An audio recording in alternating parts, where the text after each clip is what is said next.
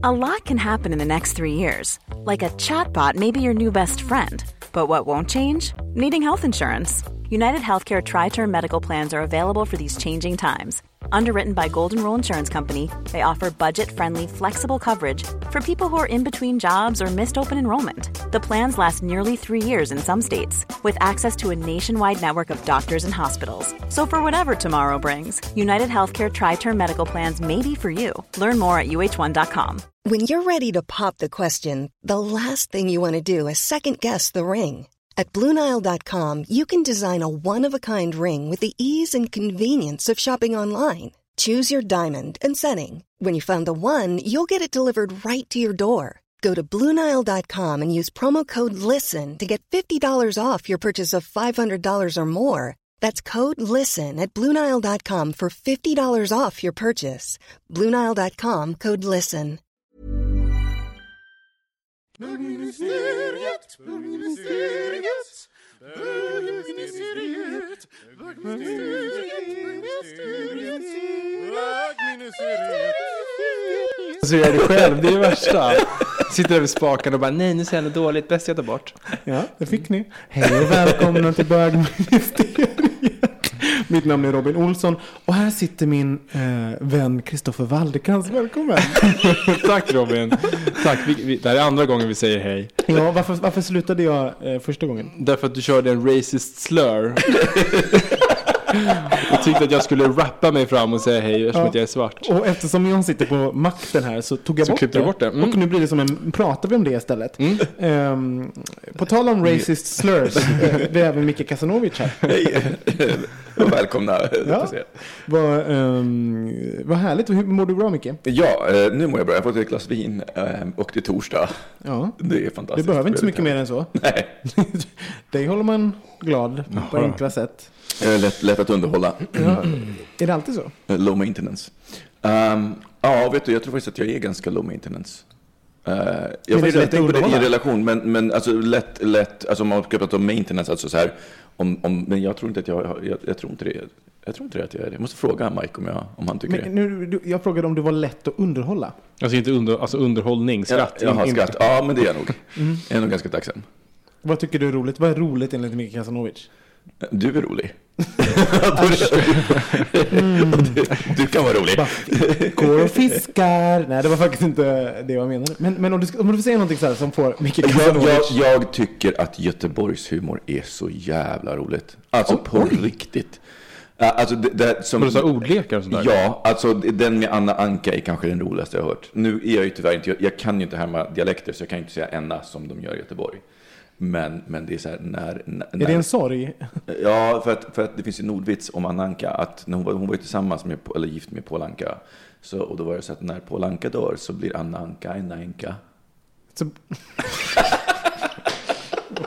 fan. jag måste säga att jag har ju... Gud. Jag är i Göteborg. Är det det roligaste du har hört? Det roligaste, jag, jag tycker det är väldigt roligt. Anna Anka blir... Jag har faktiskt också en- Anka. Jag har också en soft spot för eh, Anna Anka. Fan Anka. Mm. Nej, men för Göteborgshumor. Men kanske är för att jag är uppvuxen med den. Och det var ju så här, jag minns ju när jag var liten att om man skämtade Mm. eh, Liksom, som liten i Göteborg, det var det enda, jag visste inte hur man skämtade på något annat sätt. Det var det enda sättet. Men är inte det en myt? Det är inte en myt alltså? Att, att Göteborg är bara massa Nej, pans? alltså liksom? min, min, jag tror inte min pappa har haft en konversation med mig någon gång utan att på något sätt liksom lägga till det här roliga ordvitsen eller liksom mm, någonting sådär göteborgsk underfundigt i slutet. Liksom. Det går inte, och jag, tror, jag undrar om det finns en rädsla för allvar där också. Så att man måste, om det kom, för jag, jag gjorde en film om min pappa och det var så här, så fort det blev allvarligt så blev det tystnad. Och sen la han till en liten... lite Ja, just det. Precis, Att det det var något ihåg. sånt eh, i slutet. Men det, men det är just en sak som jag kan tycka blir svår med just humor. Att, att humor är ju också ett sätt att uttrycka något och det är, humor är det svåraste sättet att komma åt när någon uttrycker någonting eh, jobbigt. För det är som, vadå, har ingen humor eller? Ja, du, vad menar du? Att, Nej, men jag är så här, rasistgrejer eh, kan till exempel, det, det, är- det är väldigt lätt att folk uttrycker det som, eller, eller sexist grejer. Och sen så när man påpekar det, så man säger, vadå, har ingen humor eller? Ja, men jag vet. Det, det finns en dubbelbestraffning, antingen så är det en tråkiga som inte har någon humor, eller så håller Mm. du tyst och gör avkall på dig själv. Va, vad gör du då? Jag, ja, men jag tar ju konflikten. Jag, bruk, jag är ju den, den jobbiga jäveln. Är du den politiskt korrekta som liksom... Ja. Men gör du aldrig, för jag, jag, du och jag, vi skämtar ju mycket och icke-politiskt. Det gör man ju i, i så här, kompisrelationer. Jo, men det är ju en jargong som alla är Men- men- alltså, underförstådda jag- med att det är okej. Ja, jag, jag, och jag tror att det är för att jag är på det klar. Jag, jag, vet, jag vet var du befinner dig värderingsmässigt. Så att jag vet att när, även när jag skrattar åt det så, kom, så, kom, så är inte det ett tyst med, medhållande. Nej. Ehm, så att jag tror att det handlar om det. För jag, jag håller med om att jag, att, att, att jag kan skämta i vårat kompisgäng på, på ett sätt som jag inte skulle skämta på Facebook till exempel. Men vad är det absolut roligaste Micke Kasanovic har varit med om? In, no pressure. No pressure. Eh, jo, men alltså, den, den gången som jag, ram, som jag ramla, eh, ramlat av stolen för att jag har skrattat bokstavligt och inte tagit mig upp ett tag och missat den vita filmen när jag såg Borat. Och scenen med dildon i hissen. Alltså, efter hissen så vet jag inte vad som händer ännu, för jag har inte sett det. För jag låg på golvet och bara, och vet du hade de här skrattkramperna när jag inte kunde. Jag kunde liksom inte återhämta mig, jag kunde inte resa på mig. Men inte det är helt sjukt? För, för, för, Borat är ju en sån här vattendelare. Antingen kan man titta på det och det man tycker det är hilarious. Eller också så är det så jobbigt att se på. Att man, nej jag måste stänga av. Jag måste gå ut ur rummet, bort ifrån biografen. Jag, jag kan inte. Jag är lite på väg åt det. Alltså du vet den här Men det är, de är inte det som är hela alltså, så här, grejen med den, att det är så otroligt awkward så att man känner bara så här, det här går inte. Ja, för vissa men, kan ju öppna, öppna upp sig, sig för det där. Liksom, och bara liksom, åh. Men det roliga är att jag har, alltså, för du pratar ju sekundärskam, att man, att man känner det. Och jag, jag är jättedålig på sekundärskam. Alltså jag behöver ju ofta skämskuddar. Och, Men just Borat av någon anledning går helt förbi. Alltså det, alla skyddsmekanismer mot, mot sekundärskam. Det är ju, Det kanske är för att de han liksom pissar på är oftast idioter på något sätt. Så man gi- gillar ju det där, de här Ja, men det- liksom, ja, right-wing, k- liksom, kristna hy- hycklarna i södern. Man Mm. tycker det är underbart när han sitter där och bara och tjötar med dem. Liksom. Vad, vad, är det, vad, vad är roligt enligt Kristoffer eh, Wallner? Eh, Crunch. the cringe. Ehm, alltså jag, vet, jag, jag tycker ju oftast att saker och ting, jag har ganska lätt till skratt. Men jag kommer ihåg en, en gång då som jag tror jag skrattade som mest i hela mitt liv. Det var faktiskt när vi var i Thailand.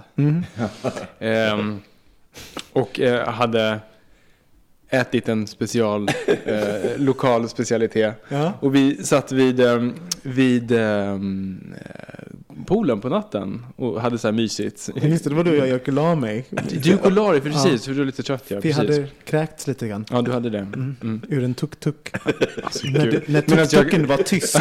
Helt, jag kräks ut ur tuk-tuken. Du klappar mig också, kan jag, kan jag tillägga, för att vi hade rökt lite på. Ja, det var det. Alltså jag hade liksom suttit där, gjort den här Thailands-grejen och hade rökt lite maja och jag, och jag röker ju inte något någonsin och mådde lite, lite illa. Kräks ut ur en tuk-tuk och hela tuk-tuken blir tyst. Och Kristoffer Man hör cikadorna. Ja. och Kristoffer Wallercrantz böjer sig fram och klappar mig på ryggen. Och, och jag minns att jag ser när jag, medan jag konvulserar Ja, ja. liksom ut så bara tänkte jag det här är det mest förnedrande av allt. Den här, den här, Den klappen.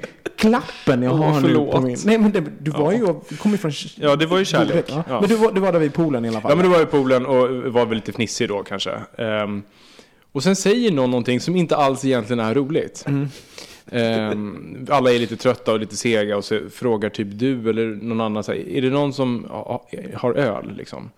Och så går vi laget runt och så här, Micke bara, har du öl? Har ni öl? Nej. Och sen kommer de till Mårten och säger så här, har ni någon öl hemma? Alltså vi bodde ju i sådana villor nära varandra precis.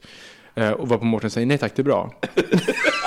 Och jag skrattade så mycket då va. Så att jag, jag, fick, alltså jag kunde inte andas. Jag fick ju så här panik i lungorna och det gjorde ont. Så jag var tvungen att lämna hotellkomplexet, gå ut på stranden mitt i natten, becksvart och bara stirra ut mot horisonten för att så här återfå någon typ av normal andning. Och så fort jag vänder mig om och ser ljuset igen så är jag tillbaka. Och det var så här, det var, jag skrattade så mycket så att jag blev på riktigt orolig. Att så här, jag kommer hamna i någon typ av så här skrattpsykos nu. Eh, det är faktiskt det absolut roligaste jag har haft. Men om man ska ha en, en psykos, då är det en skrattpsykos. Ja, det skulle vara härligt. Eller hur? En skrattpsykos i Ja. Thailand. Och vilka abs. Alltså, Eller hur? På riktigt. Det är ju Faktiskt. fantastiskt roligt. Ja, men det, Och vilka kinder. Står rätt ut. men då är frågan, vad är det roligaste du har varit med om? Eh, Jag, jag har haft många roliga stunder, men en av de roligaste på sistone, det var ju faktiskt i, i lördags. Det, när eh, vi hade en fest som... eh, näst, du var inte här? Nej, jag var i Danmark. Och då, då kan jag ju berätta det här för dig. Då, då var det så här, Kristoffer här var ju väldigt rolig och hittade någon form av plast och satte på huvudet. Det var skojsigt. Rasmus Rasmus, vår kom, kompis, häm, hämtade en liknande form av eh, sån skumplast. satte Jag huvudet. såg det var bilden. kul. Sen eh, vår kompis Musse, han ville också vara med. Vet man, när man har två stycken väldigt naturligt roliga personer som liksom har gjort sig eh, flamboyant, ro, roligt fjolliga och jag fotar dem. Då ser jag liksom emellan Kristoffer och Rasmus hur det står en ivrig liten, alltså som desperat försöker få på någon form av ge, helt annan genomskinlig plast över sitt ansikte. För han vill också vara med. Eh, och det är så, jag ser ju det här ganska länge medan Kristoffer och Rasmus håller på. Och sen har jag äntligen fått fast eh, plasten över ansiktet och huvudet på ett sätt som han tycker nu. Nu det ska jag, nu, Nu är det det- roligt. Ja. Nu ska jag vara med och vara skoj. Och kommer in och ställer sig i mitten och liksom ska vara med, liksom ska äga det här då. Och då börjar jag ge dem eh, directions. Så här. Nu, nu ser ni, en, ni är på en fashion eh, fotografering och nu ni känner lite upphetsade för fotografen är, eh, är eh, väldigt sexig. Och Kristoffer han fixar pose-instruktioner. Ja, posar och liksom så här. Eh, och ni är jätteduktiga. I mitten då har ju Musse liksom plastat in hela sitt ansikte i en genomskinlig plast. Men det innebär att han måste blunda. Musse tror att eftersom han är lite full, att eftersom han blundar, då ser inte vi honom. Och han har liksom klippt ur sin mun, så han, han tror att det enda vi ser är munnen. Men jag ser ju hela honom. Liksom så här, och så fortsätter liksom ge, honom, ge alla så här direktioner. Varav han har exakt samma min och bara trycker ut sina läppar ur och bara, men eh, Musse du måste liksom agera. Han bara, men jag gör ju det, jag gör ju ja, Jag går inte återge, men det var så fruktansvärt Jag har aldrig roligt. sett dig skratta så mycket Alltså jag skrattade, det var så roligt för att Musse fattade inte vad det var han gjorde fel. Nej. Och han försökte mer och mer. Och, och han försökte då tryckte han liksom ut läpparna mer ur den här plasten. Det var det enda som han lyckades med. Ja, det var väldigt, väldigt, väldigt roligt. Och då tänkte jag så här, eh, så blev jag också lite så här, gud vad länge sedan det var jag skrattade så mycket. Det, eh, jag har längre till sånt skratt nu Mm. Ja, än de vad jag här hade förr. gapskratten är ju, de är ganska lång, alltså länge emellan, Ja, man säga. varför är det så tror ni? Jag har funderat på det också, därför att jag har eh, en app såklart, som varje, eh, varje kväll man går och lägger sig så, så får man ett par frågor och en av frågorna är eh, hur många har du skrattat idag? Och det är, så här, det är så deprimerande att se så här noll, noll, noll. Alltså hur många nollor det är under... Men vadå, känner appen av när du skrattar? Nej, nej, utan jag, jag, det är när jag går och lägger mig så får jag tre frågor. Aha, fyra. Och en av dem är hur många har du skrattat idag? Och då, eh, när, och då är liksom en, en fråga. Och det, jag, jag, precis det tänkte jag på, varför är det så långt mellan de gångerna man verkligen får, får skratta? Vad kom du fram till då? Alltså, jag, för min del så tror jag att det bara handlar om, om mycket jobb, stressad situation. Då, då, har man, då har jag liksom inte så roligt. Nej. Jag tror att för att kunna skratta så där mycket så behöver man, det är någon typ av urladdning ju. Eh, och det, det känns som att det behöver klaffa fler saker än att det bara ska vara roligt. Det ska vara så här, eh, det ska kännas som en avslappnad miljö, man ska känna sig så här trygg och bara så tillgänglig och så ska det vara rätt timing och så kommer någonting kul som blir en trigger och då börjar man skratta. För det var ju det, som, det var så tydligt på den där festen att, att så här, efter några glas, slappna av, det var fredag, veckan var över och så kommer det där och då liksom, man är lite trött och då bara boom, briserar det liksom. Men jag blev nästan lite, lite ledsen efteråt. För att jag var så här, men, och för det var så fruktansvärt förlösande. Och jag tyckte det var så underbart. Och jag bara, åh, jag älskade alla och vad kul det här var. Och sen insåg jag, det här, så här har inte jag skrattat på månader. Och då blev jag så men gud, då blev jag helt så här, vad är, vad är det med mitt liv? Jag lite bara nästan ifrågasätter allt. Sen fick jag ju en shot och sen sket man i det. Liksom. Men, Men tror du inte också att det är så här att man, den typen av skratt gör man ju bara när man är med andra? Aldrig när man är själv. Då kan man så här fnissa och det kan vara lika roligt. Men det är inte det här liksom vrålskrattet som kan komma. Liksom. Ja. Så man kanske behöver ett socialt sammanhang för att Det ska, det ska liksom kunna komma fram på något vis. Det slog mig nu, alltså, jag- som jag tror är en av också mina roligaste stunder, som jag kan rekommendera om ni inte haft ett, ett, ett bra skratt som funkade för mig. Det var när jag gjorde Mamma Mia med Martin Redenort som har varit eh, gäst i vårt program, så ni kan gå och kolla upp honom om ni vill, vill det. Då, satt vi, då hade vi precis börjat läsa eh, Martina Hags bok Hemma hos Martina när vi, när vi gjorde den här musikalen. Och eh, sen började vi läsa den högt för varandra på bussen.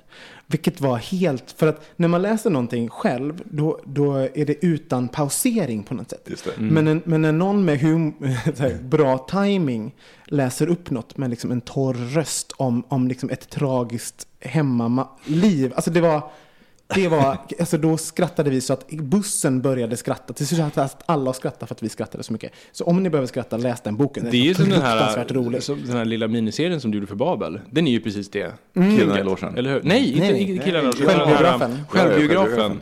Det här supertorra, Ja. som blir så otroligt kul när man bara läser. För ibland med humor, om man skrattar, om den som gör det skrattar också, då blir det, Då kan var det det som dö. Musse också. Han skrattade inte, han Nej. förstod inte vad det var som var kul.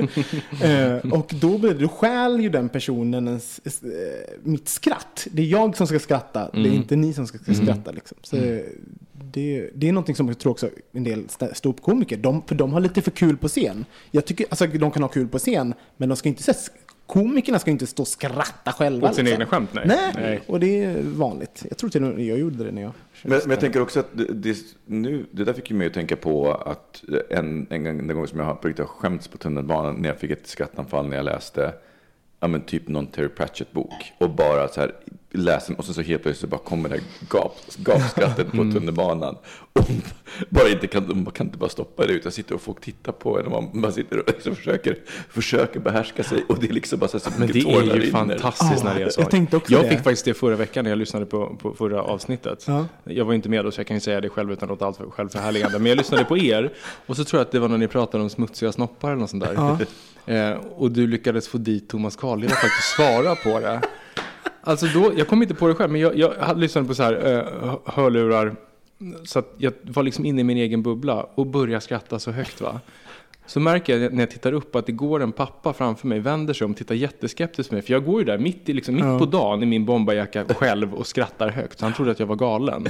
Så han tog sin barnvagn och gick över på andra sidan och gick andra trottoaren. Så gick vi parallellt i 150 meter istället. Men tänk vad glad man blir de gångerna man hör någon skratta så mycket. Alltså på tunnelbanan och sånt. Mm. Det är roligt att vi skäms för det. Att det ska vara någonting så här, nu skrattar jag. Man Mm. bara, men go for it girl. Liksom bara kör. Så så att du känner skam för det på tunnelbanan. Det är det bästa som finns att se någon som skrattar. Ja, det är det faktiskt. Läsa någonting. Det är man faktiskt bara, fantastiskt roligt. Okej, det- jag vill läsa den boken. Mm. Sådär liksom.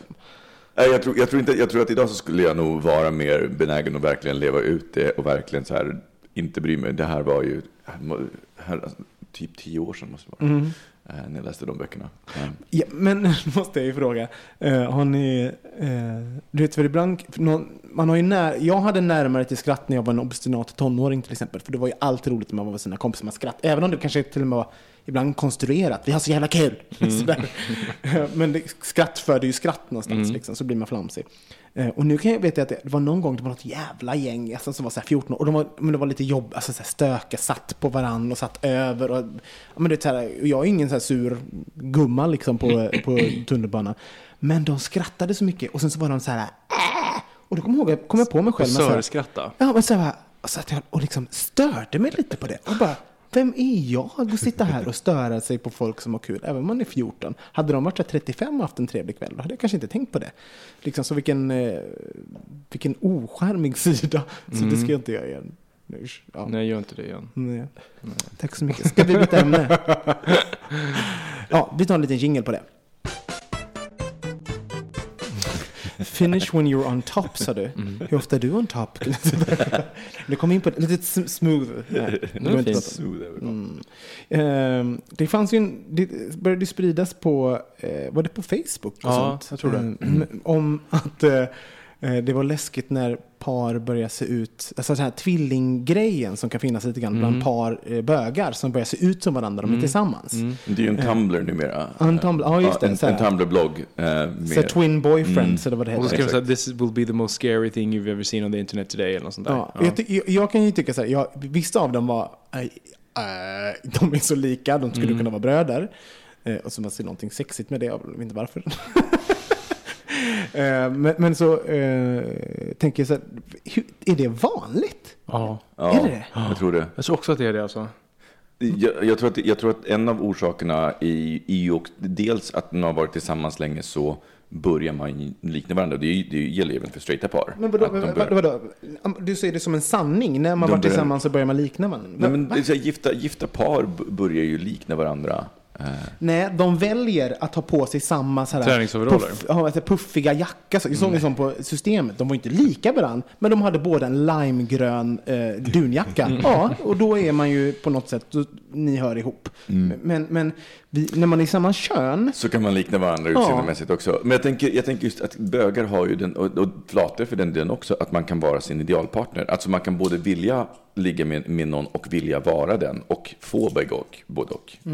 Någonstans. är du, är, är du sån mycket att du vill ligga med någon som ser ut som dig? Jag, jag, jag, många killar som jag, som jag tänder på, ja, de är, skulle kunna lätt vara mina...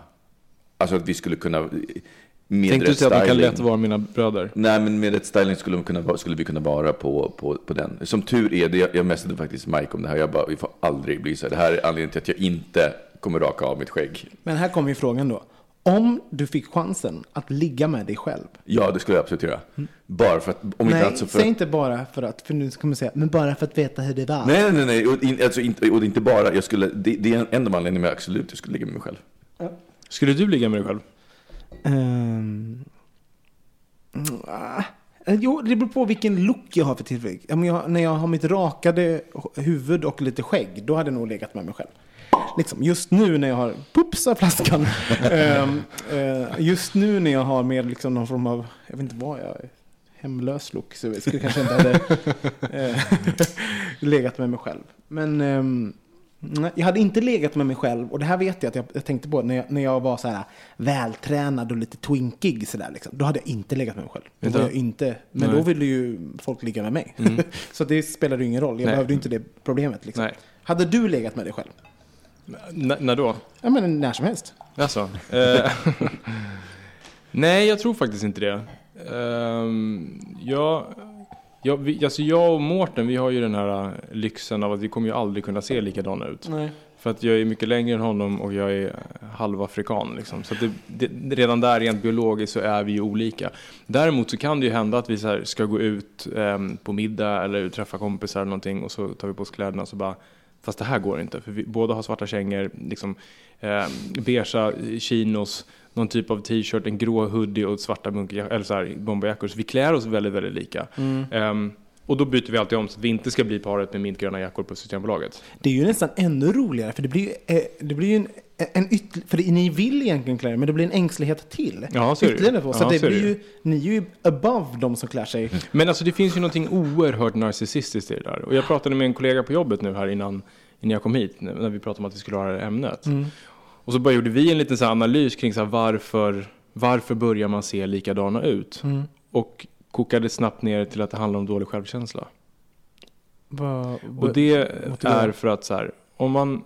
Jag, jag, jag spottade ur med att jag tror att det någonstans finns, det finns ju såklart massa element av det här, massa pusselbitar i, den- i den här frågan. Men jag tror att en av dem kan vara en inneboende eh, självförakt.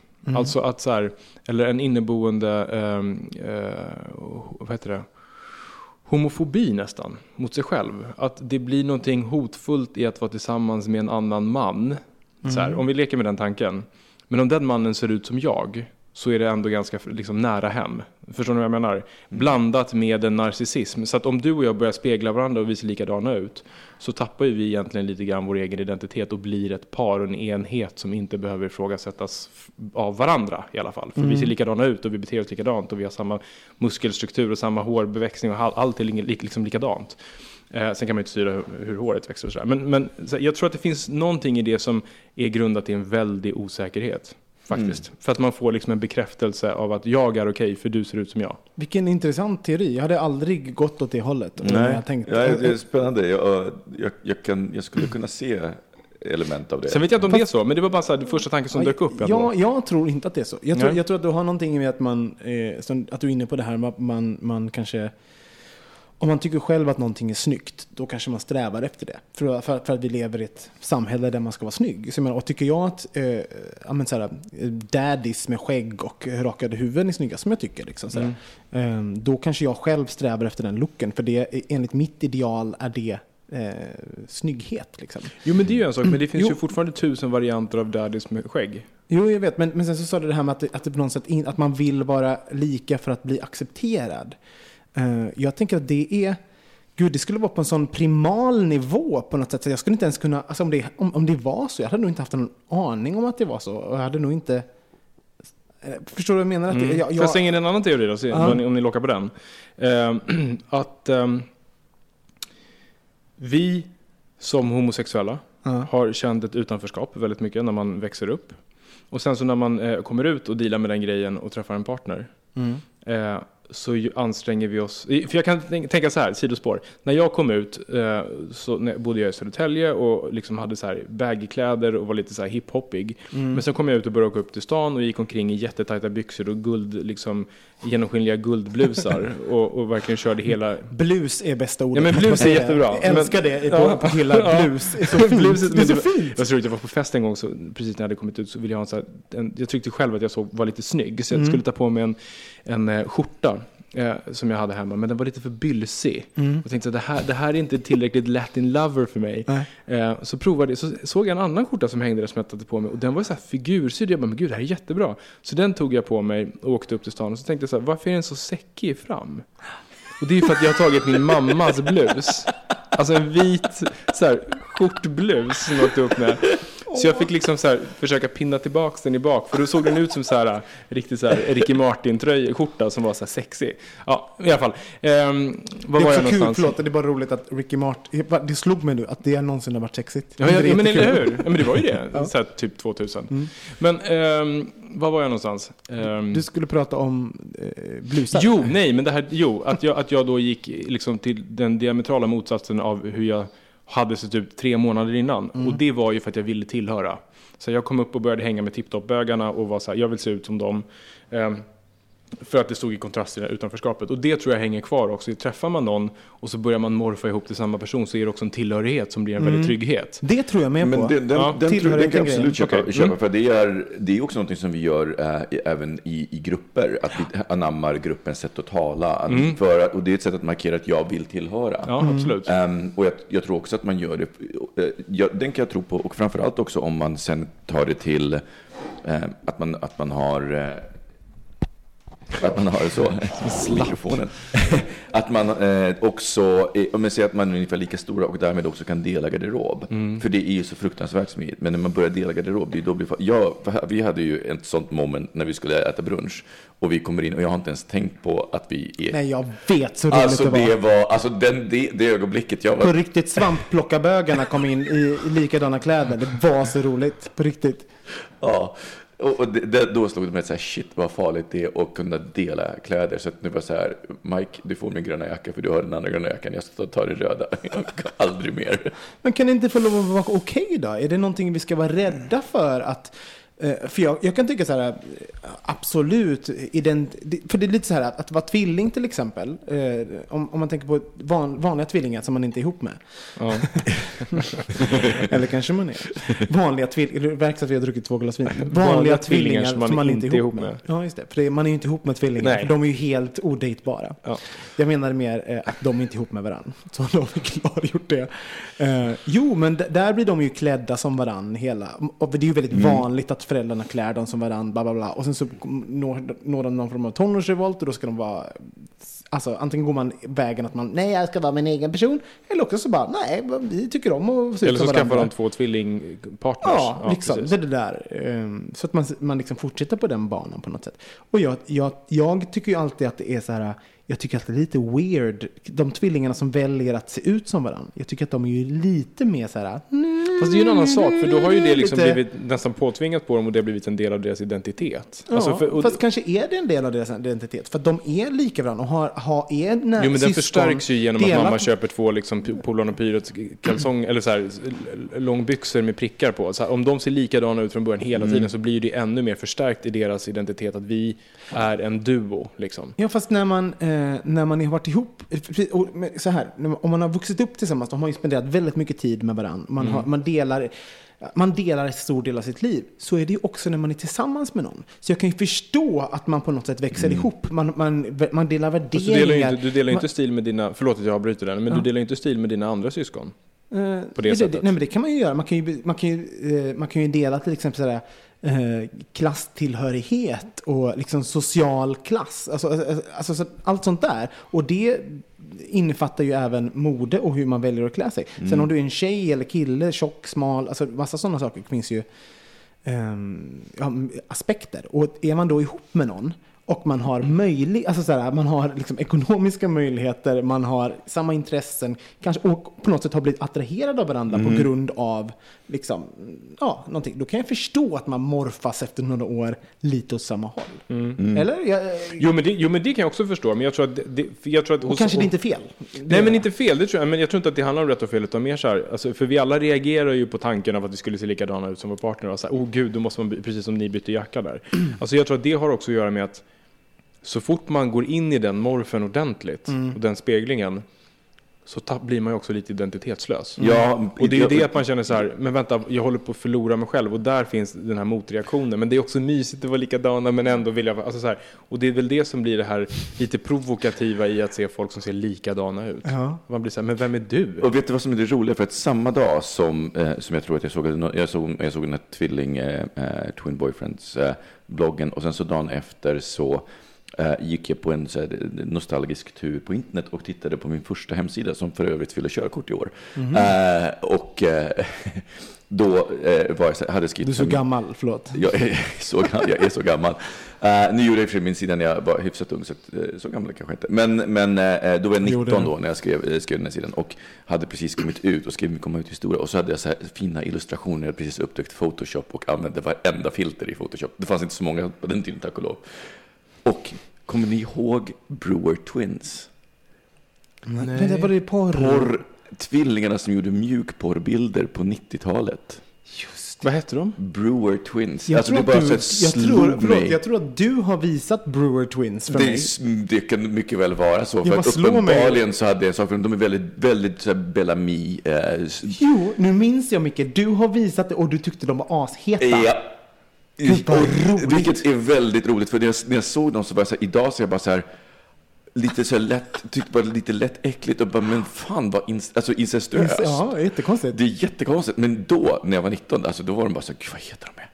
Men jag har ju googlat någon gång, har jag ju googlat så här. Eh, eh, Ja, jag känner, nu känner jag igen dem. Ja. Här. Jag har ju googlat flera gånger så här typ. Eh, så här, så här, eh, typ så här, bröder som har sex. Och Oh måste my faktiskt, god, va? Vi- Jag tycker just fram en bild på Brewer Ja, Twins. de är ju ganska snygga måste jag säga. Men, men jag, måste, jag har ju googlat det där och jag måste säga nej, jag tänder inte på, på bröder. Och det skulle jag säga om jag gjorde bröder som har sex. Men mer för att jag är, det finns en extrem fascination hur man kan, hur man kan tända på ett syskon. Alltså jag tycker det är så absurt att jag tänker ju, min naturliga tanke är att eh, det här kan ju inte vara på riktigt, de kan ju inte vara syskon på riktigt. Alltså det måste ju vara någon som är väldigt lik någon. Eh, så då blir det så här, det här fenomenet måste ju vara påhittat. Men det är ett fenomen som attraherar väldigt många. För jag kommer ihåg när jag var i San Francisco. ehm, så åkte jag till Castro. Och där var det eh, två stycken uteliggare som var kanske 20. Och de var tvillingar. Och de hängde alltid omkring i Castro för att bögarna blev bananas när de såg dem. För de var också jävligt snygga de här två. Men de var ju liksom, de bodde på gatan, det var ju världens misär liksom. Ja. Nej men gud vad de liksom, bögarna blev helt så här verkligen tog sig an de här eh, killarna. De hade ju fattat det. De liksom kapitaliserade ju på det faktum att så här, här är vi populära för att vi, vi står för någon typ av sexuell fantasi. Ehm, så de, fick ju all, de hängde alltid utanför bögklubban och fick massa pengar och sådär. Liksom. Men har, har det någonting då med att man väljer att, att, att se ut som, eller att två personer som är tillsammans med varandra väljer att se ut lite likadana ut? Att det, att det, att det finns en sexuell laddning där mot eh, hur man visar sig mot allmänheten? Eller de, Men det där tror jag ja kanske, för jag tror att det är samma i den straighta världen om man kollar på de här liksom hö-hö-filmerna, så här, Ja. m- grabbfilmerna. Så är det så här, Two lesbian twins från Slovenia. Nej, men att, att ha sex med tvillingar är, liksom- ju, är ju ofta en sån grej, är straight fantasi också, straight mans fantasi. Och då tänker man, vet du, det, eh, nu är jag på det här, men då tänker Vin. man ju inte, ja, Vin. här, nu blir det en Chianti här. Mm, tack. Inte för att du bryr dig din, din Är slaskhora. Din smutsiga slaskhora. Ja. Jo men eh, alltså, du, du, den där fantasin, eh, jag vill ha sex med två heta tvillingar. Alltså, sådär, då, tänk, då har man ju inte tänkt steget vidare. Nej, det har man ju inte gjort. Alltså såhär, okej, ju- det är ju en ren egoistisk eh, sexuell fantasi. Så här, Okej, jag, jag vill ligga med två heta tvillingar, för jag tycker båda två är snygga. Ja. Man har inte tänkt så här, typ att som att, alltså helt tror det är ärligt, det är väldigt- som att jag och min syster skulle ha en trekant. Men alltså, Det, jag tror att det är väldigt ovanligt åh bland gud, killar. jag eh, varför bland, sa jag det? jag tror att det är väldigt ovanligt bland killar som har tvillingsystrar att ha den fantasin. Jag, jag, jag tror också, Planning for your next trip? Elevate your travel style with Quince. Quince has all the jet setting essentials you'll want for your next getaway, like European linen, premium luggage options, buttery soft Italian leather bags, and so much more. And is all priced at 50 to 80% less than similar brands. Plus, Quince only works with factories that use safe and ethical manufacturing practices. Pack your bags with high-quality essentials you'll be wearing for vacations to come with Quince. Go to quince.com slash pack for free shipping and 365-day returns. There's never been a faster or easier way to start your weight loss journey than with PlushCare. PlushCare accepts most insurance plans and gives you online access to board-certified physicians who can prescribe FDA-approved weight loss medications like Wigovi and Zepbound for those who qualify. Take charge of your health and speak with a board-certified physician about a weight loss plan that's right for you. Get started today at plushcare.com slash weight loss. That's plushcare.com slash weight loss. plushcare.com slash weight loss. Mom deserves the best, and there's no better place to shop for Mother's Day than Whole Foods Market. They're your destination for unbeatable savings, from premium gifts to show-stopping flowers and irresistible desserts. Start by saving 33% with Prime on all body care and candles. Then get a 15-stem bunch of tulips for just $9.99 each with Prime. Round out Mom's menu with festive rosé, irresistible berry chantilly cake, and more special treats. Come celebrate Mother's Day at Whole Foods Market. Jag tänker också, jag eh, tror att det ligger väldigt mycket i, eh, eller jag har en fantasi, att många bögar som gillar, tvilling, eh, som gillar liksom tvillinggrejen inte har bröder själva, eller syskon själva, att de är ensam barn. Oj! För att det ligger längre bort. För att det, det ligger längre bort att sätta sig in i... Man kan så teoretiskt förstå det, men, men det, blir, det, det, det finns ju liksom en påtaglighet i känslan om man har syskon. Bara säga jag ska... Uh. Förlåt, jag måste säga, men, men alltså det här med, mer vi pratar om det. Och jag, ni vet, jag sällan dömer. Jag är ju verkligen inte den. Men det är ju lite fel. Man ska inte ligga med sitt syskon, för helvete. Alltså Vad skönt riktigt. att du, så här, till och med Robin sätter ner foten någonstans. Ja men alltså, det är ju, nej. Du vet, du vet ditt eh, konkurrent, konkurrentprogram, Fråga Olle. Ja, Eh, där var det ju hon, eh, vad heter hon som nu har haft Paradise Hotel? eh, Malin Gramer. Marin Grammer, precis. Hon träffade ju alltså två bröder som hade trekant med en, en tjej. Och de hade inte sex med varandra. Men, men eh, de träffade liksom olika tjejer och liksom ställde upp på den här trekantsgrejen jätteofta. Och då trodde jag, för de snackade såhär tja brorsan liksom med varandra. Då tänkte jag, "Ja, men de är ju så här kompisar, bröder. Nej, nej, de är alltså bröder på riktigt. Eh, och så hade de sex där och Malin då stod i det här rummet och tittade på det. Och jag har aldrig sett någon som har varit så obekväm i hela mitt liv. Hon försökte ju ändå vara så här, det här är det som, liksom, hon hade ju panik. Liksom. Men Eh, det kan jag ju förstå. hur skulle du hantera en sån situation om du skulle Nej, göra jag ett sånt hade reportage? nog... ehm, jag hade nog faktiskt ställt frågan. Men det här, ni bara... Jag, res, jag respekterar att ni gör det. Men ni vet att det här är fel va?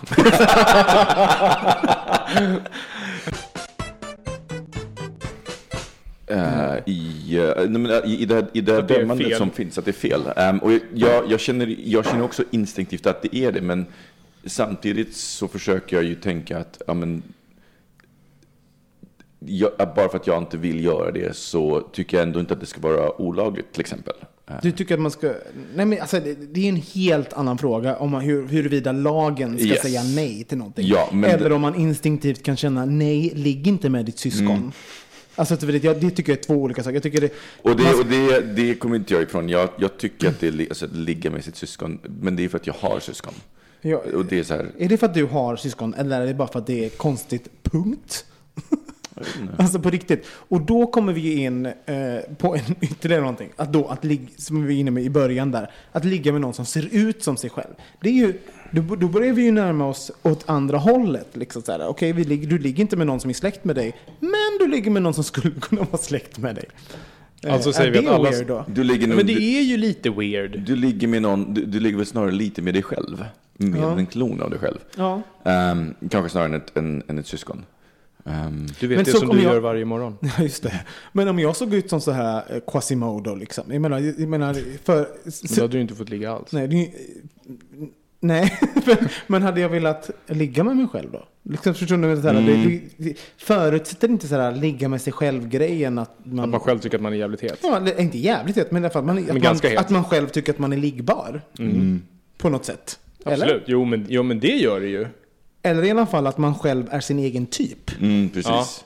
Och jag tror, men jag tror att det finns väldigt mycket, eh, väldigt mycket av den förväntan. För jag tänker, det finns ett forum som jag hänger i och bara kollar ibland, för jag tycker det är så fascinerande att kolla på hur unga bögar idag Cru- resonerar. Cruiser heter det. Och jag vet inte vad det är. Jag bara hänger ibland för att kolla. Jättekonstigt. Men bara, för att kolla läget och hur, hur det är liksom med gayvärlden. och Grindr också. Ja, just det. Och, och Dudes Nude och Gay Romeo. Så jag bara kolla lite grann. Kolla läget. Kolla snoppar. Ja. Eh, nej, eh, utan det här är, är ett, eh, på, på ett, ett gayforum på Reddit. Eh, och det finns ganska, det ganska ofta som det finns frågor från unga bögar som, som, som frågar, jag är inte... Ähm, så här, finns, kommer jag någonsin få en pojkvän för jag gillar typ muskulösa och jag själv är jättesmal. Alltså just det här, eh, just den här... Svaret är nej. Alltså på riktigt, om vi ska generalisera. Nej, så är det ju inte. Jo. Nej, så är det inte. Alltså I'm sorry, men om man går in på, gå och till en circuitfest för helvete. Jo, jo men, många- det, är- men det är ju ett specie- men det är ju, det är ju ett extremt forum, just circuitfesten. För det finns ju också de som är gigantiska. Som vill ha, alltså till exempel i Sydney när vi bodde där så fanns det en före detta rugbyspelare som hette Ian, inte Ian Thorpe, för han ehm, Ian Roberts, det kan ni alla söka på, Ian Roberts. Han var också med i Superman, senaste som var jättedålig. Skitsamma, han eh, kom ut som gay och han är ju ett monster alltså i, i hyddan. Och han hade ju då sagt, min kompis då som hade legat med honom, överhörde när han sa till en annan person att här, jag vill att mina killar ska se, ehm, eh, de ska vara magra och se döda ut. Eh, varför min kompis Underbart! Men min kompis kände inte att det var underbart, eftersom han just hade varit där. Men, men, men så här, och då, där finns ju de som gillar den grejen att så här, jag är den stora och jag vill ha något litet petit. Jag- det jag finns säger, ju det också. Jag säger inte att, det, att alla är så. Jag bara säger att om man tittar på, om vi, om vi ställer oss här och bara tittar objektivt på hur, hur bögvärlden ser ut. Mm. Eh, då, och man tittar på biffarna. Eh, Så dras de till andra biffar. Ja, så dras till andra Och biffar. jag, och jag tror att det är vanligare just därför att du kan vara den du vill, din idealkille. Och därför så är det så här, det, det krävs en ansträngning för att bli biff. Mm. Och det är så här, jag, vill, jag, vill, jag gillar biffiga killar, därför jag biffig. Så jag tror, att, jag tror att det kanske är vanligare. Men däremot så är det Just inte... det, jag gillar biffiga killar, därför blev jag en biffig kille. Precis. Det är, en, det är ett bra, eller så här, det är ett incitament som jag tror är väldigt, väldigt vanligt. Att man Och det är inte här- så konstigt att man börjar se ut egentligen som den man blir attraherad av. Eftersom att man blir attraherad av någon av samma kön. Mm. Så tycker man att det som man blir attraherad av är snygg och man vill vara snygg själv. Och eftersom att det är det som är den estetiska förebilden så ser man ju till att hamna så nära den som möjligt. Men om man inte orkar vara snygg då? Vi pratar bara helt hypotetiskt. Då är man rolig. Alltså på riktigt, jag, sådär, jag, jag, jag, jag tänker ibland på min egen självbild. Och jag vet att jag har ju haft en, en snygg per, jag vet, jag vet när jag ansågs vara snygg. Det var ju när jag hade så här, snygg kropp och var lite så här, äh, och, liksom, och var halv... Fast jag, fast jag tror att du... Vänta, vänta, jag får bara prata klart. Och oavsett vad du tycker så, så här, vet jag också hur, hur min liggfaktor, nu är jag i sig i en relation så skit i min liggfaktor, jag får ligga jämt. Men eh, liksom sådär. Eh, och, men nu är jag lite så här, äh, vad fan, liksom. Or, or, jag, jag är inte fåfäng nog har jag upptäckt. Jag var fåfäng nog en period i mitt liv när det var viktigt. Liksom. Men nu, ja, nej, jag är inte fåfäng nog har jag upptäckt. Eh, och det, Och det kan ju finnas något väldigt attraktivt i också. Ja, och jag, jag, jag är lite, det är lite skönt. Jag är så bara, ah. Och sen så nu tycker jag att jag är lite för tjock, så det är ju en helt annan sak. Det, finns ju hälsoaspekter i det som jag tycker är, är dumt. Liksom. Men, men eh, jag, jag, inte, jag känner mig rent själsligt inte lika fåfäng. Och det är lite, fan vad gött liksom. Och, jag, och då skulle jag... ehm, ja, jag vet, inte- ja, jag vet inte vad jag ville komma med det. Men, det, men, jag, men jag håller med dig, för att, jag, menar, jag kommer ihåg när jag gjorde så här, min transformation från, från lite överviktig till vältränad. Och, När var det? För jag har försökt leta gamla bilder på dig och du ser alltid vältränad alltså ut. det, fin, det finns bara en bild, jag ska visa dig den bilden. Det finns Jag har en bild sett den. den alltså, det är varje gång jag ser den så är jag så här, men du hjälp. var väldigt söt. Ja, Tack. Just, just då så hade, jag, så hade jag mördat dig om du hade sagt det. För att det var Vad söt du är. Ja. Men det är ju nästan, det är ju nästan en förolämpning. Alltså som bög vill man inte vara söt. Eller? Ja, om man är twink vill man vara söt. Ja. De vill vara söta. Mm. Ja. Jag var inte twink. Eh, men, men, men, men eh, och, och, jag tänker liksom just när omvandlingen, eh, när den omvandlingen eh, skedde, men jag har aldrig varit så, ja, men, så här, obsessed och så, så här osäker och, ja, men du vet, det fanns, det, det, fanns en, neur- en, en neuros, neurositet, heter det så, neuros, i, i, i botten. Alltså det var, det var inte sexigt. Nervositet. Nevrositet är någonting. Det är roligt, vi är lite fulla nu. Nej, det är vi inte alls. Nej, men, men, men jag, tror, jag tror att det är eh, att, att det finns eh, väldigt mycket i, eh, i, i den. För jag, jag, jag, jag, jag vet också att jag ansågs vara sexig utifrån sett som min kropp. Mm. Men jag, jag kämpade ju så mycket så att jag kunde inte njuta av det. Fast du var ganska dålig på ut... Alltså så här, det var som att du inte riktigt visste... Eh, förlåt nu bara, på tal om sex med konstiga saker. Du blir slickad i ansiktet av en söt liten hund. Hej. Nu måste man säga, vi, jag och min pojkvän bor hemma hos Johan Svensson nu, så vi spelar in eh, podden här. Hej Johan! Skål! Skål! Skål! Jag älskar att det, att det är, nu är det, mm, skål, skål, jag ska bara dricka. Nu är det som att vi alla i bögministeriet bor ihop. Eller hur? Helt plötsligt kommer så här Johan Svensson in och liksom, för, för så är det ju i våra liv. Det här är Alla- en försmak på vårt äh, äldreboende. Jag måste ta en bild på er ser så härligt ut när ni sitter här. Det är ganska härligt faktiskt. Mm. Jo, men man måste säga, du var ju ganska dålig på att optimera då när du... Absolut. För du var ganska... Eh, du, är- du är ju en väldigt social och bra person, men jag tror att du hade en, fortfarande en ganska skev självbild. Så att du Väldigt. liksom inte riktigt... Men har man inte ofta det när man faktiskt så här jobbar som hårdast för, på sitt utseende? Mm. Man är ju sällan då i synk med hur man faktiskt ser ut, känns det som. Alla som, alltså, alla som går på gymmet och gör det mycket, liksom tappar någon typ av så här, hur de faktiskt ser ut och lider av någon typ av megarexi. Liksom, Ja, exakt. Alltså, det, det är så lätt att man hamnar i den här fixerade liksom, state of mindet, så då, då har man ju tappat i alla fall. Liksom. Men du, du och Mårten är ju väldigt olika varandra, som du sa. Liksom, Ja. sådär. Men är, skulle du säga att Mårten är din, din typ? Ja, absolut. Ja. Mårten är verkligen min typ. Och det Men var inte- jag, vad sa du? För det är inte alltid man hamnar med sin typ. Nej men så är det ju. Men när, jag, när jag såg Mårten första gången på, på torget där. Så var jag bara så här, jag måste prata med honom. För det där är så här, det var min typ liksom 100 procent. så det är han ju verkligen. Mm. Och du skulle aldrig ligga med dig själv? Eller så här, är det någon som är din typ? Liksom, så här. Nej, det skulle jag nog inte. Vad, är det, vad är det som du inte vill ha med, det, med din typ? vad är det jag inte vill ha med? Kunde det som att jag vill att du ska säga vad du inte tycker om hos dig själv. Det är inte så jag menar. Utan jag menar snarare så här. Fula ögon, und och dubbelhaka. Nej men jag vet inte. Jag, jag... Alltså... Jag, svårt att svara på. För du är en stilig karl, Kristoffer. Det kan man inte komma ihåg. Tack snälla. Ja. Nej men jag tror att, jag tror att det handlar Nej men jag tror att det handlar om att så här... f- faktiskt om, om man ska liksom gå in på djupet så tror jag att, att det var så här, när jag var liten så, så var min liksom största önskan att vara vit på något vis. Och jag tror, jag, det, hela min barndom var jag ganska obekväm med det faktum att jag inte såg ut som alla mina kompisar och min resterande av min familj sådär, som att jag inte bodde med min pappa. Så jag aldrig liksom identifierat med mitt, med mitt afrikanska arv på något vis. Ehm, med det sagt så är det inte så att jag inte kan se liksom en, en, en mörk kille och, och tycka att, att han är väldigt attraktiv sådär. Men det är inte min så första, det är inte min default mode av vad min typ är. Och jag tror att det har med det att göra. Du, hur är det idag? Liksom? Alltså, fort, kan, du, kan du titta på en... Har du legat med en svart kille till exempel? Nej. Har du? Gud ja. Mm. Ja, nej, jag, nej, Jag tror jag har legat med jorden runt. Är det så? Skål för det. Skål för fan. Skål, det. Ja, här är jag, jag diskriminerar ingen. Det är bara bring it on. So let's bring on the men and let the fun begin. It's just a... ja. Vad härligt. Eh, men, men vet du vad jag tänkte, tänkte på där? För att jag hörde precis eh, en, eh, om en studie som har gjorts att barn i sig är, ganska, är ganska rasistiska och att barn Och jag tror vi har sett samma sak. Barn, den är så blir, hemsk, den här barn filmen. blir rasister gentemot, alltså gentemot de grupper som inte de har representerade sig i, i sin närhet.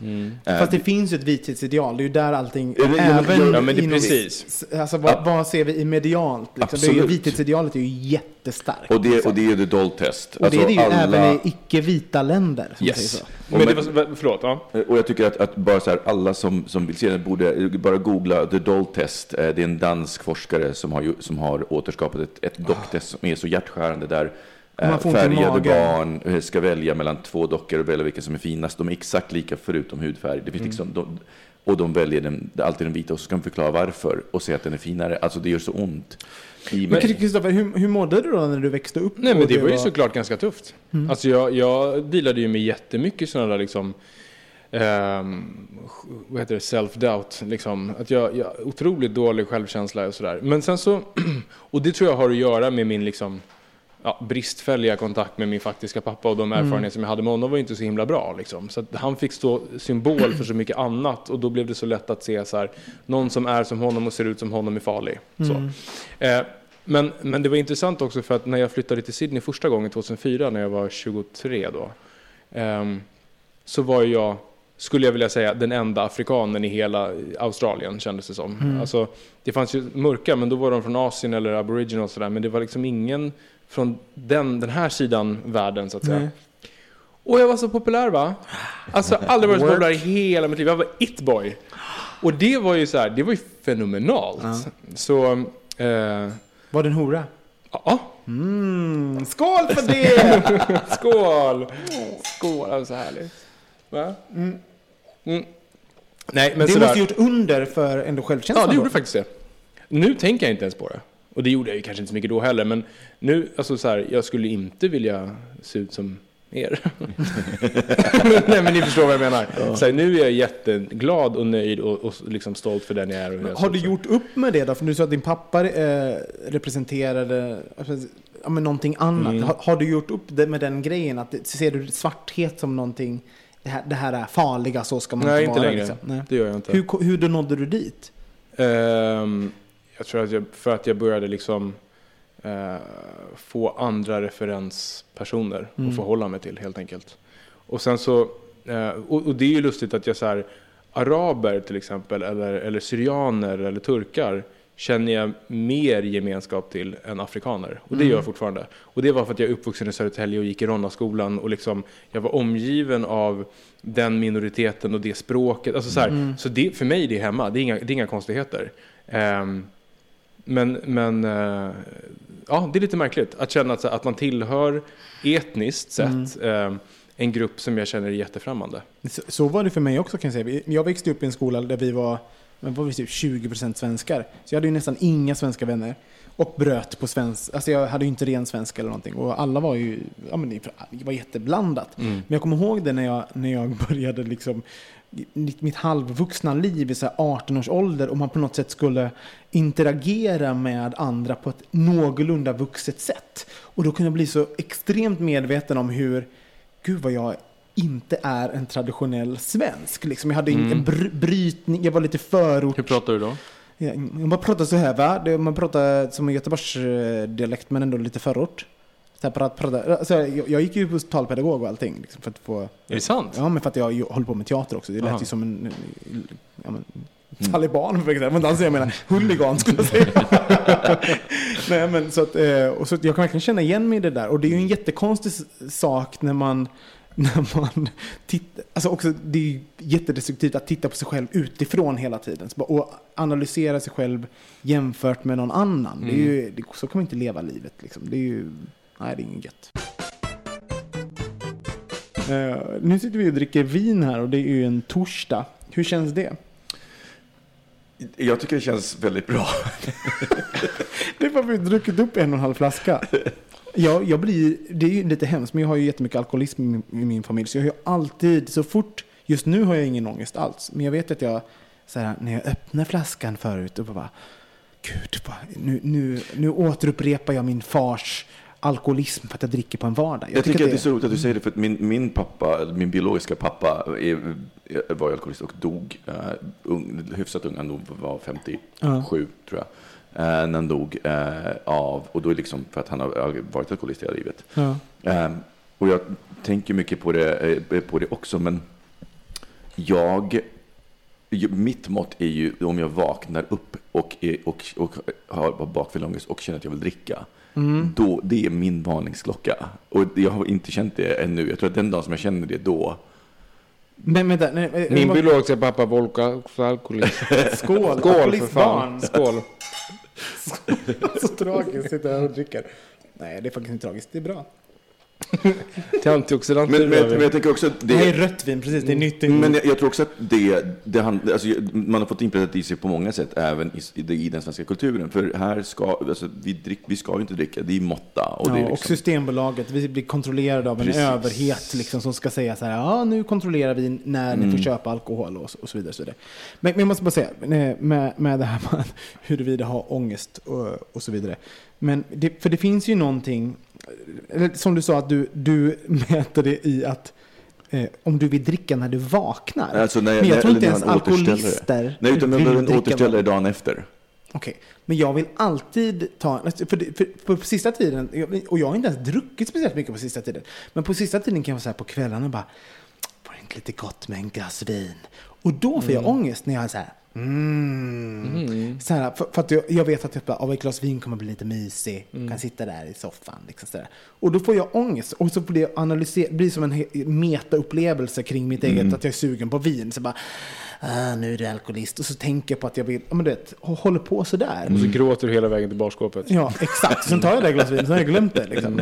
Och så är det ju inte så att jag sitter och dricker mig full. Men här, att, jag, att vilja ta ett glas vin och att jag, att jag blir sugen på ett glas vin.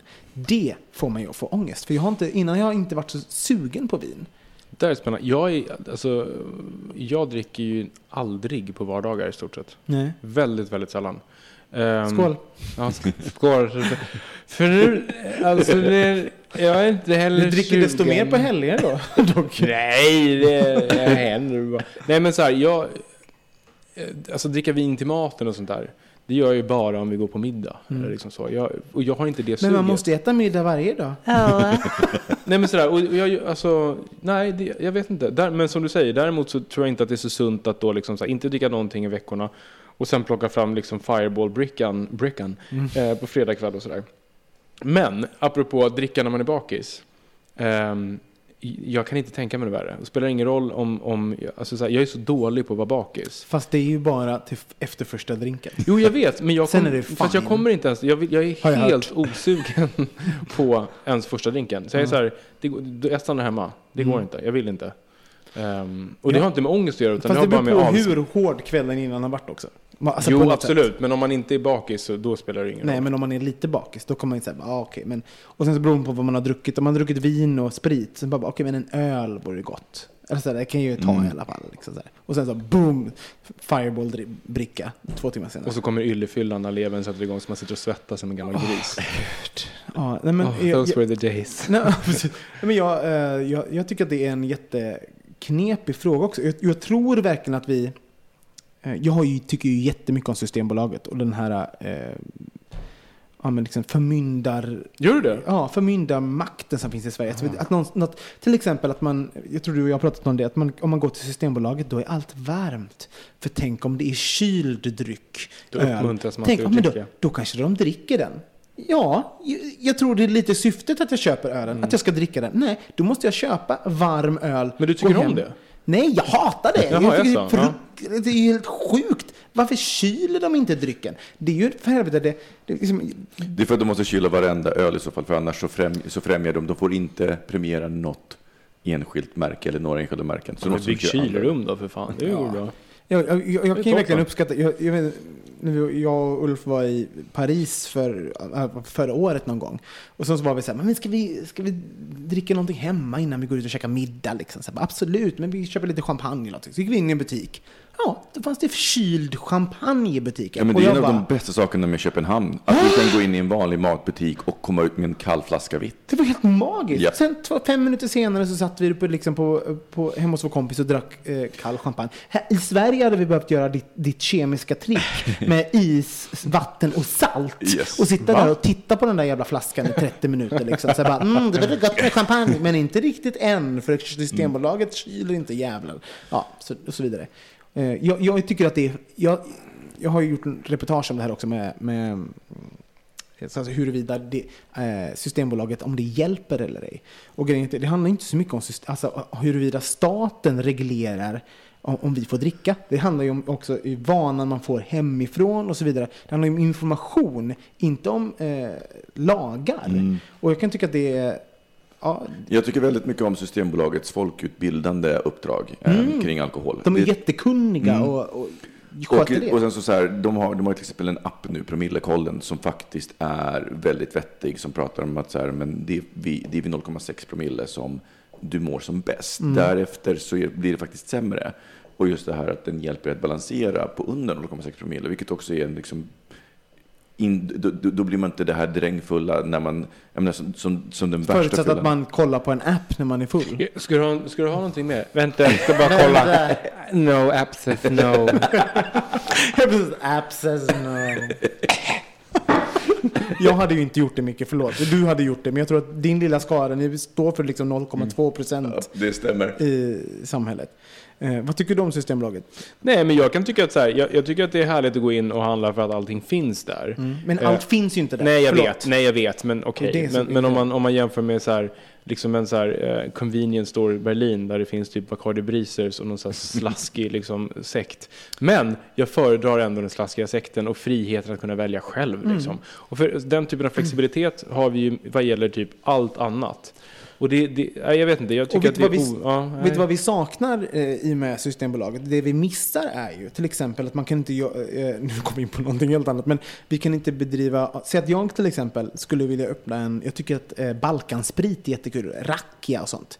Det finns inte i Sverige. För att Systembolaget väljer att inte ta in det. Absolut, du kan beställa det, kommer någon liten lyssnare att säga nu. Ja, men då får jag det två veckor senare. Istället för att det kanske skulle kunna få finnas en privat handlare i Stockholm som har en... Som specialiserar sig på Balkansprit. Som specialiserar sig på rakia. Och då kan jag gå dit och köpa den. På samma sätt som man gör med ost. Man går till en osthandlare. Man kan gå till alltså någon som vet man vill ha bra kött. Eller en korv. Alltså sådär.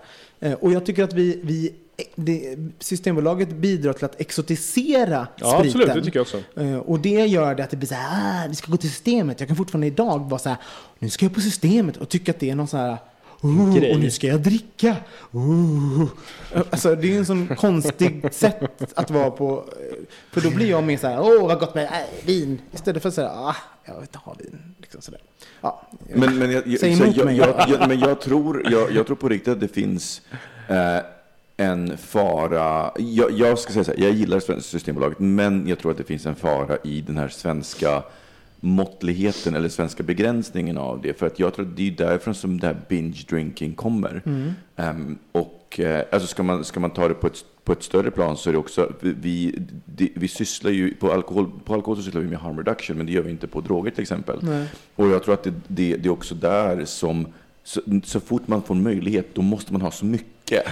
Eh, Därför man kan inte tacka nej, för att tänk om för, för det, det är liksom, chansen kan försvinna. Om det Och inte vi- räcker. Nej, men Ja. precis. Och, vi, och vi, folk raglar hem från krogen. Varför gör de det? Jo, för när krogen stänger, då finns det ingen alkohol eh, att få tag på. Så nu måste jag dricka jättemycket medan jag är på krogen. Det, det, är shit, då typ- sist last call, nu beställer Ja, beställer och då bara shots. drick, dricker folk för mycket istället för att det liksom... där raglandet, det ser man ju inte liksom nere i Europa faktiskt på samma sätt. Och Förutom i jag- England då. Sen måste jag säga, jag, jag gjorde ganska mycket research på det här för, för en grej jag gjorde. Men, och, och då var det så här att man, det man inte ska göra, till er som är föräldrar, man ska inte bjuda sina barn på sprit. Mm. För att det bidrar till att man faktiskt får man är mycket mer, man, man dricker mer helt enkelt Mm. som vuxen. Om, om man har eh, vuxit upp i ett hem där man som en 15-åring får ett glas vin Mm. till exempel.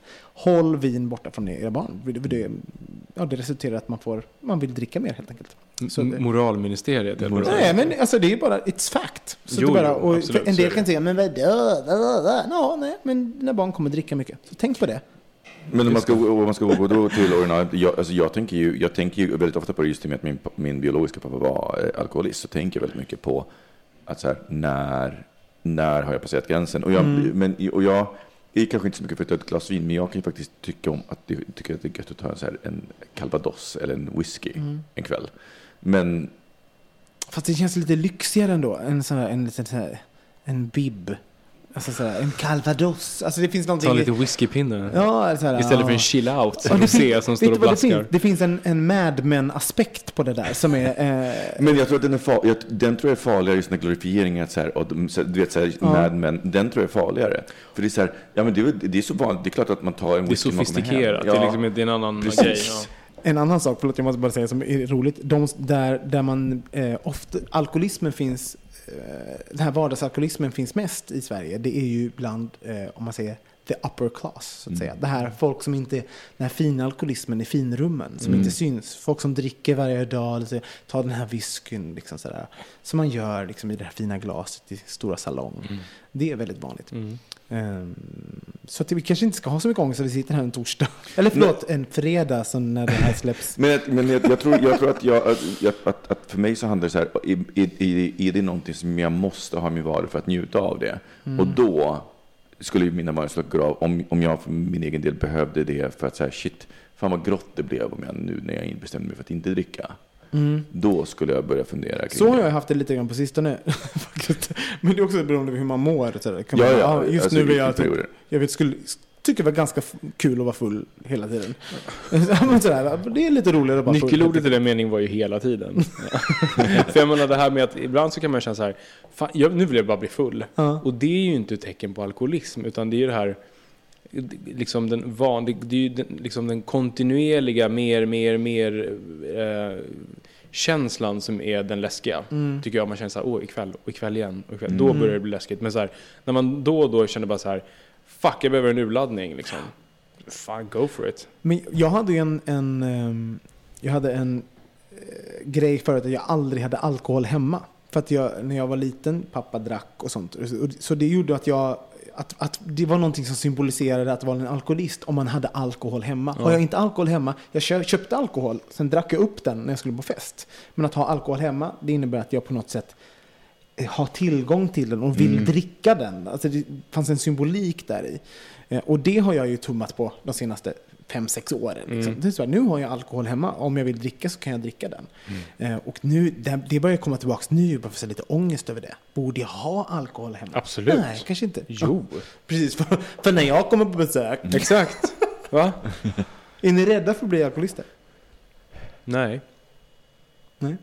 Jag tror inte det. Ja, just för att jag har sett det liksom first hand så tror jag att jag har så pass mycket respekt för de, de ehm, eh, vad heter det?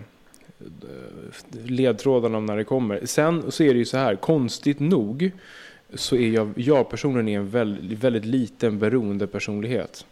Jag kan utmana det där ganska mycket utan att känna att nu börjar jag liksom trilla dit. Men jag är medveten också att den inställningen gör ju att man kan bli lite nonchalant för det. Men, men ehm, som, som snus till exempel, jag kan, jag kan snusa liksom i tre veckor.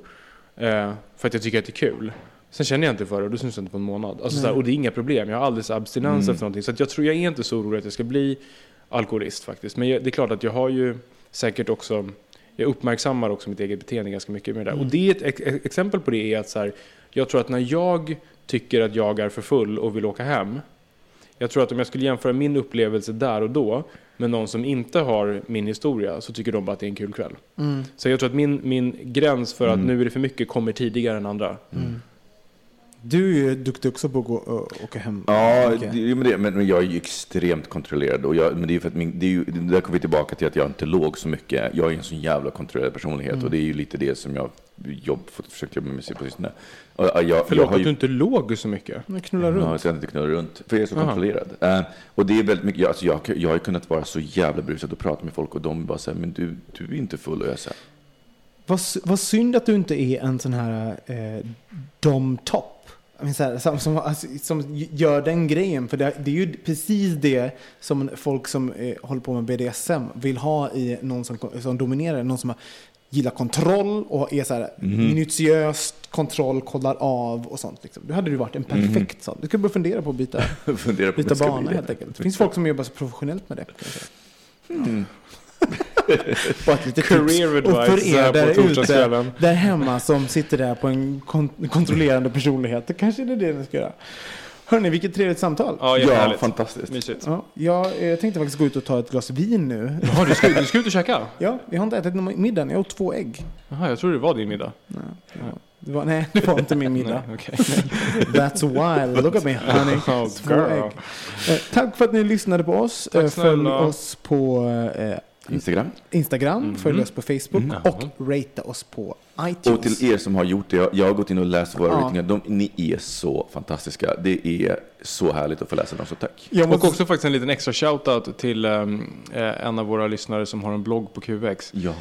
Gud, nu har jag glömt bort vad hon heter. nej, Sia! Sia, förlåt. Sia. Sia. skrev ju ett litet inlägg om mig. Ja. Mm. Och jag blev så glad va? Hon har, hon har varit- haft en crush på På Micke också. Ja. Och jag måste säga, Sia Men nu är hon min. Ja, men Sia var ju faktiskt med i 69 saker, visste ni det? Nej, det visste inte. Jo då. Jag, jag, jag, jag har för mig att hon hade en crush på mig först. men Sia, vi älskar dig och det är fantastiskt att du, att du bloggar oss om oss. Och Ja, det är faktiskt oss. jättehärligt. Vi blir väldigt glada för det. Puss på dig och puss på alla andra. Ja. Puss och hej! Hej då!